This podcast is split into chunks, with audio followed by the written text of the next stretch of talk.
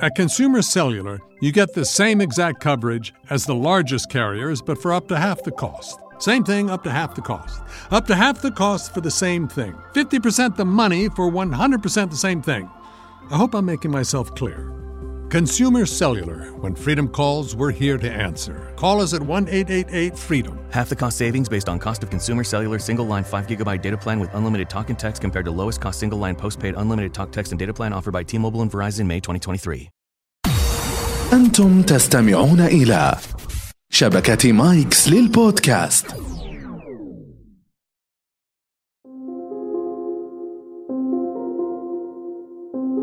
من أهم المواطن التي تظهر فيها الكاريزما الحقيقية أثناء الحوار والنقاش مع الآخرين. بعضهم إذا أتيت للحوار معه تستمتع ويكون حوار لذيذ وجميل، وبعضهم تتجنب الحوار معه. لماذا؟ سوف نجيب على هذا السؤال بإذن الله تعالى في هذه الحلقة.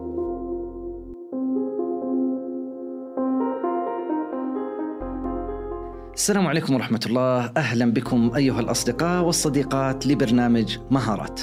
هذا البودكاست الذي نركز في هذا الموسم على عالم الكاريزما.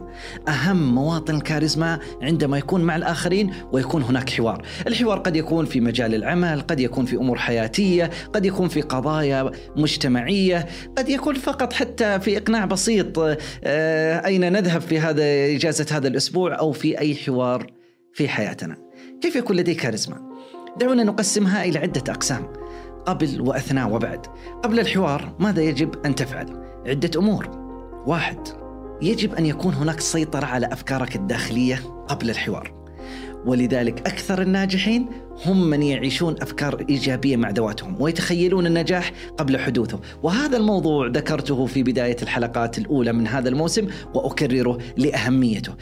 اصنع النجاح في خيالك ثم بعد ذلك حاول أن تعيشه على أرض الواقع. اثنين اهتم بهندامك. حسن ملبسك. قبل الحوار احرص على أن تلبس الملابس المناسبة لهذا الحوار لهذا المكان الذي سوف تكون فيه لأن الشكل الخارجي يعطي أهمية. قد يكون اللباس في مواطن آه، اعتيادية، مواطن آه، يعني في قهوة آه، مسائية مع أحد الأصدقاء، فلها لباس عادي وبسيط، وقد يكون في مكان رسمي فيحتاج أن يكون أيضا اللباس الرسمي والمتناسب مع هذا المكان. ثلاثة أطفئ الهواتف الجوالة أثناء الحوار. أو بلاش أقول أطفئها أبعدها عنك جانبا. ليس مناسب في الحوار تفتح جوالك وتقلب الرسائل. نعم نعم أنا أسمعك تحدث إلي. غير مناسب ليس فيه شيء من الذوق. يجب أن يكون هناك اتصال بصري مع من أمامك. تشعر بأهمية هذا الشخص حتى يشعر أنه مهم وثم تتفاعل معه. عندما يتحدث معك تعطيه بعض إيماءات الرأس. نعم أنا أتفهم. نعم أنا معك. وهذه كلها تظهر بلغة الجسد. ماذا لو عكسناها؟ من ينشغل في جوال يقول لا أنا مهتم فيك. لا ليس هذا معناه دلالة اهتمام وإنما قد يكون فيه اللامبالاة قد يكون البعض يقول لا والله ما أقصد. أنا أحترم من أمامي ولكني جتني رسالة أو شيء من هذا القبيل. هنا يحتاج أن تستأذن من أمامك وتقول أستأذنك جتني رسالة بسيطة أحتاج دقيقة للرد عليها. أو أستأذنك جاني مكالمة مهمة أحتاج أن أرد عليها. بهذا الشكل قد تكون أكثر لباقة وذوقا وأدبا. ننتقل إلى أثناء الحوار. بدأ الحوار مع من أمامك. يفضل إذا طرحت أسئلة أن تطرح أسئلة مفتوحة. لأنه لدينا عادة في الأسئلة نوعين أسئلة مغلقة وأسئلة مفتوحة. المغلقة التي تكون إجابتها بكلمة واحدة. مثل تكون إجابة نعم أو لا. هل الجو جميل؟ بيقول لي نعم أو لا. أو قد يكون آه، ربما نوعا ما إلى حد ما مناسب الجو. ولكن الأسئلة المفتوحة اجعله يتحدث يأخذ راحته. كيف ترى الجو اليوم؟ يقول والله الجو حلو جاء والله أمطار لا والله بارد لا حر شديد ولا يختلف من مكان لمكان وأنا عندما كنت لأنه سؤال مفتوح يستطيع أن يجيب عليه بشرح فيأخذ راحته. ولذلك احرص دائما إذا أردت أن تفتح علاقة جيدة مع من أمامك أن تسأل أسئلة مفتوحة. كيف أسألها؟ غالب الأسئلة المفتوحة تبدأ بكلمة كيف أو تنتهي بكلمة ما تعليقك ما رأيك ولا تعطيه سؤال مغلق. اثنين. حافظ على تواصلك البصري مع من أمامك. الاتصال البصري مهم بمعنى أن تنظر إليه وهذا النظر يساعد على أن يشعر باهتمام فهذه أحد الأمور.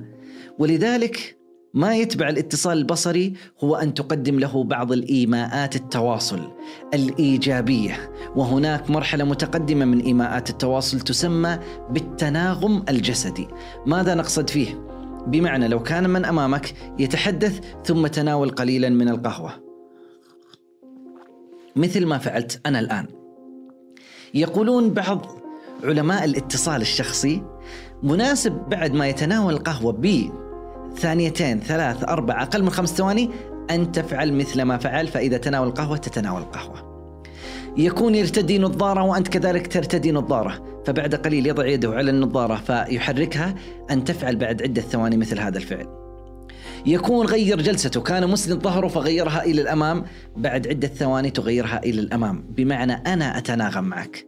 البعض قد يفهم هذا التكنيك بطريقة خاطئة فيبالغ فيه فيصبح مرآة كاملة طبق الأصل لمن أمامه. كل ما فعل حركة قاعد يقلد الحركة بطريقة غير مقبولة. ولذلك يقولون المتخصصين ألا تفعل كل حركة ولكن بعض الحركات التي يفعلها من أمامك تقلد بمعنى أنا متناغم أنا منسجم مع ما تقول أنا أوافقك. هذا هو الإيحاء. إذا زاد فإنه سوف يكون سلبي كأنك تتصنع فمن أمامك سوف يتوجس يقول سلامات ماذا تريد عندما تفعل كل هذا؟ هذه الأفعال. أيضا أثناء الحوار. لو اختلفت معه في نقطة فلا تبدي إجابتك. أنا أختلف معك. أنا لا أوافقك الرأي. أنا ولاحظ أيضا من الأهمية أن تبدأ بالمشترك في الحوار. تقول له أنت ذكرت النقطة الفلانية وهذه ممتازة وأنا اتفق معك فيها. قد يكون هناك رأي آخر فيما ذكرت في الجزئية الأخرى. أعطيه رأي آخر أعطيه مساحة للعودة أعطيه مساحة للنقاش قد يكون يوضح لك أكثر فأنت أعطي نفسك أيضا مساحة للعودة. أثناء الحوار والمواضيع هناك قاعدة جميلة جميلة جميلة تقول لا تشخصن القضايا الموضوعية. بمعنى لا تجعل الموضوع وتشخصن وتعلق في الشخص. فإذا قبلت الموضوع أنا قبلت الشخص. وإذا رفضت الموضوع أنا رفضت الشخص. لا لا. اجعل الشخص في مكانة عالية وأنا أناقش الفكرة أناقش الموضوع. فإذا رفضت الموضوع فأنا أرفض الموضوع ويبقى له حق التقدير والاحترام. ولذلك بعضهم حتى إذا طرح الفكرة لا يطرح الفكرة مجردة وكأنه يطرح ذاته مع الفكرة. فيطرح ذاته. فإذا رفضت الفكرة كأني أنا الذي رفضت فيبدأ يدافع عن ذاته. لا الله يعطيك العافية. اطرح الفكرة مجردة اجعلها فعلا على الطاولة. للنقاش. من تقبلها أخذها من لم يتقبلها وضعها جانبا على الطاولة ويبقى شخصك له التقدير والإحترام. هناك الكثير من الأمور أثناء الحوار يحتاج الإنسان أن يظن أن يتبعها. ولكن دعونا ننتقل إلى الجزئية الأخرى. ماذا بعد الحوار؟ انتهى الحوار. احرص أن تترك انطباعا جيدا. وذلك بالوداع المناسب. مصافحة مع ابتسامة جيدة. أيضا كلمات لطيفة فيها تقدير وامتنان على هذا الوقت الذي قضيتموه مع بعض، إظهار السعادة بهذا الحوار الذي ظهر. هذه الأمور كلها تترك انطباع جيد ومناسب مع من أمامك. احرص مرة أخرى أن يكون حوارك إيجابي حتى ولو لم تكسب جميع نقاط الحوار ولكن احرص على كسب الأشخاص أكثر من الأفكار. تحياتي.